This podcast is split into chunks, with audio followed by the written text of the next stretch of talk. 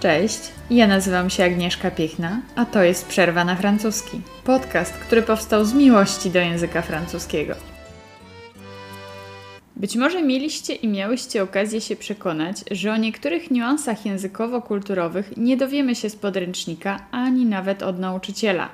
Dowiadujemy się o nich dopiero w praniu, kiedy doświadczymy tego na własnej skórze. I wiecie, nie ma w tym nic złego. Nie da się zawrzeć w podręcznikach absolutnie całej wiedzy językowej i kulturowej. To jest baza do dalszej pracy nad językiem, do odkrywania różnych jego aspektów, do budowania własnych doświadczeń językowych poprzez słuchanie, mówienie, oglądanie materiałów wideo czy czytanie książek, artykułów, treści na portalach społecznościowych.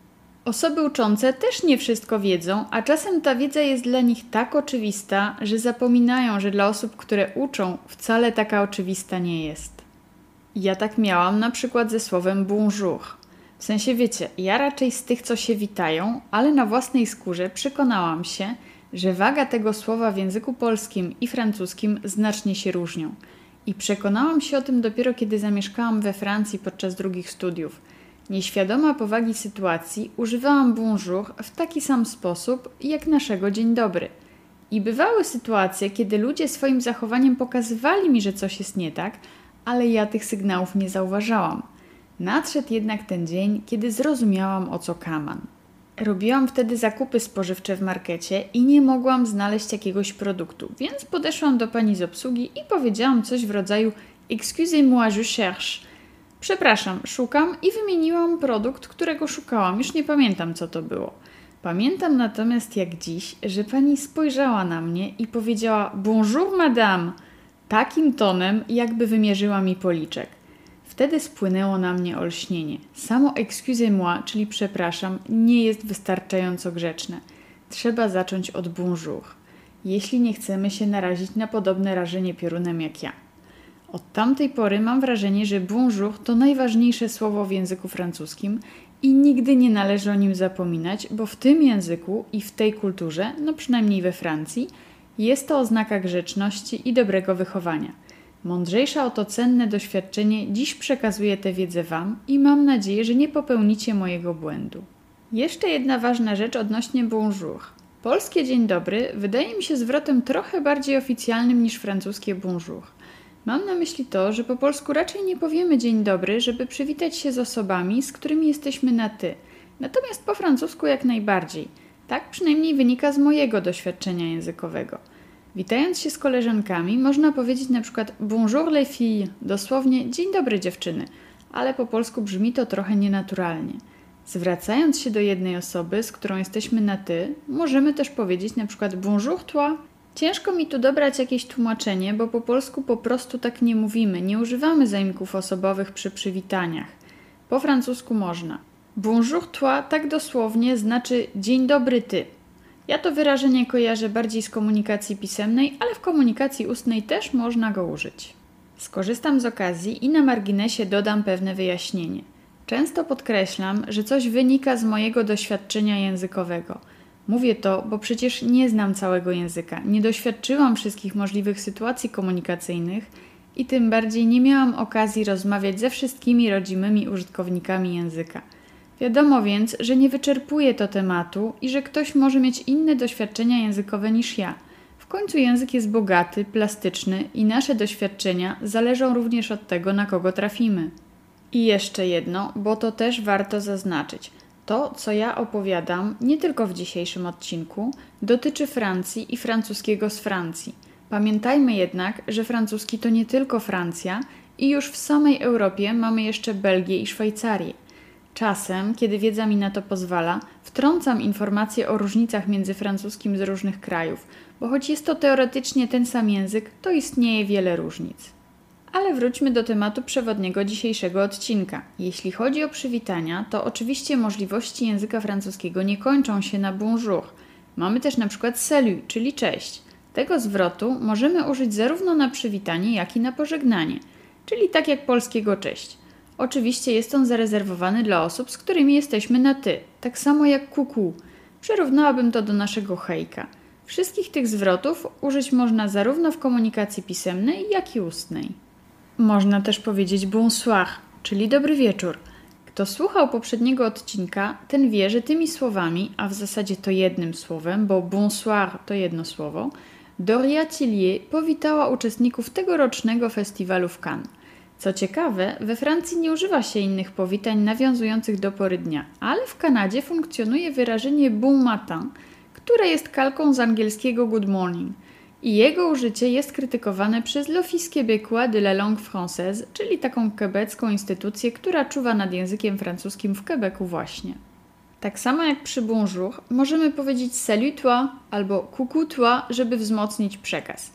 Natomiast nie spotkałam się z tym w połączeniu z bonsoir, co nie znaczy, że tak się nie mówi. Tu jest ten moment, kiedy przyznaję, że po prostu nie jestem pewna. Natomiast niezależnie od tego, które przywitanie wybierzemy, możemy dodać do niego imię osoby, do której się zwracamy, albo jakiś inny zwrot. Na przykład Bonjour madame, coucou Marine, salut les gars, czyli cześć chłopaki, bonsoir Regis, coucou maman i tak dalej, i tak dalej.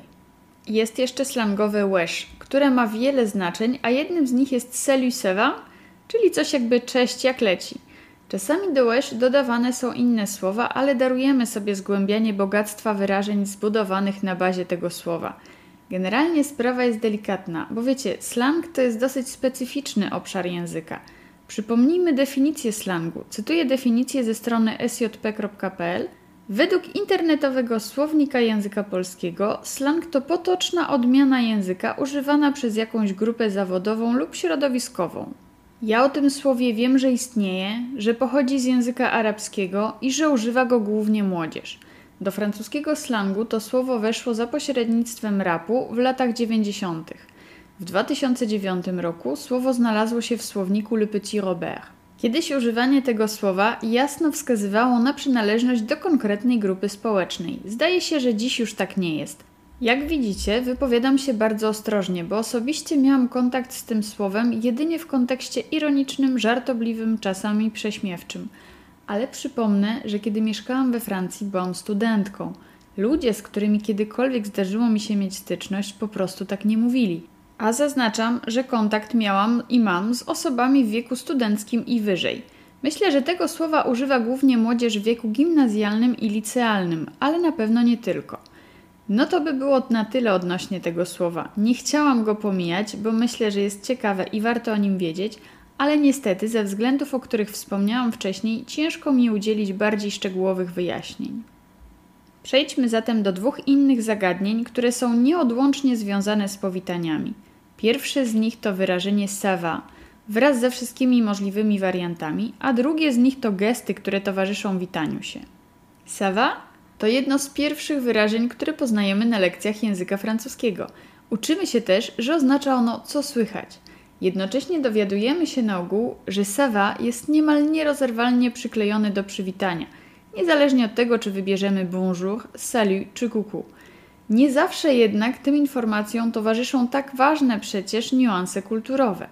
Musicie wiedzieć, że to pierwsze sawa przyklejone do przywitania tak naprawdę nic nie znaczy. Jest to zwrot czysto grzecznościowy.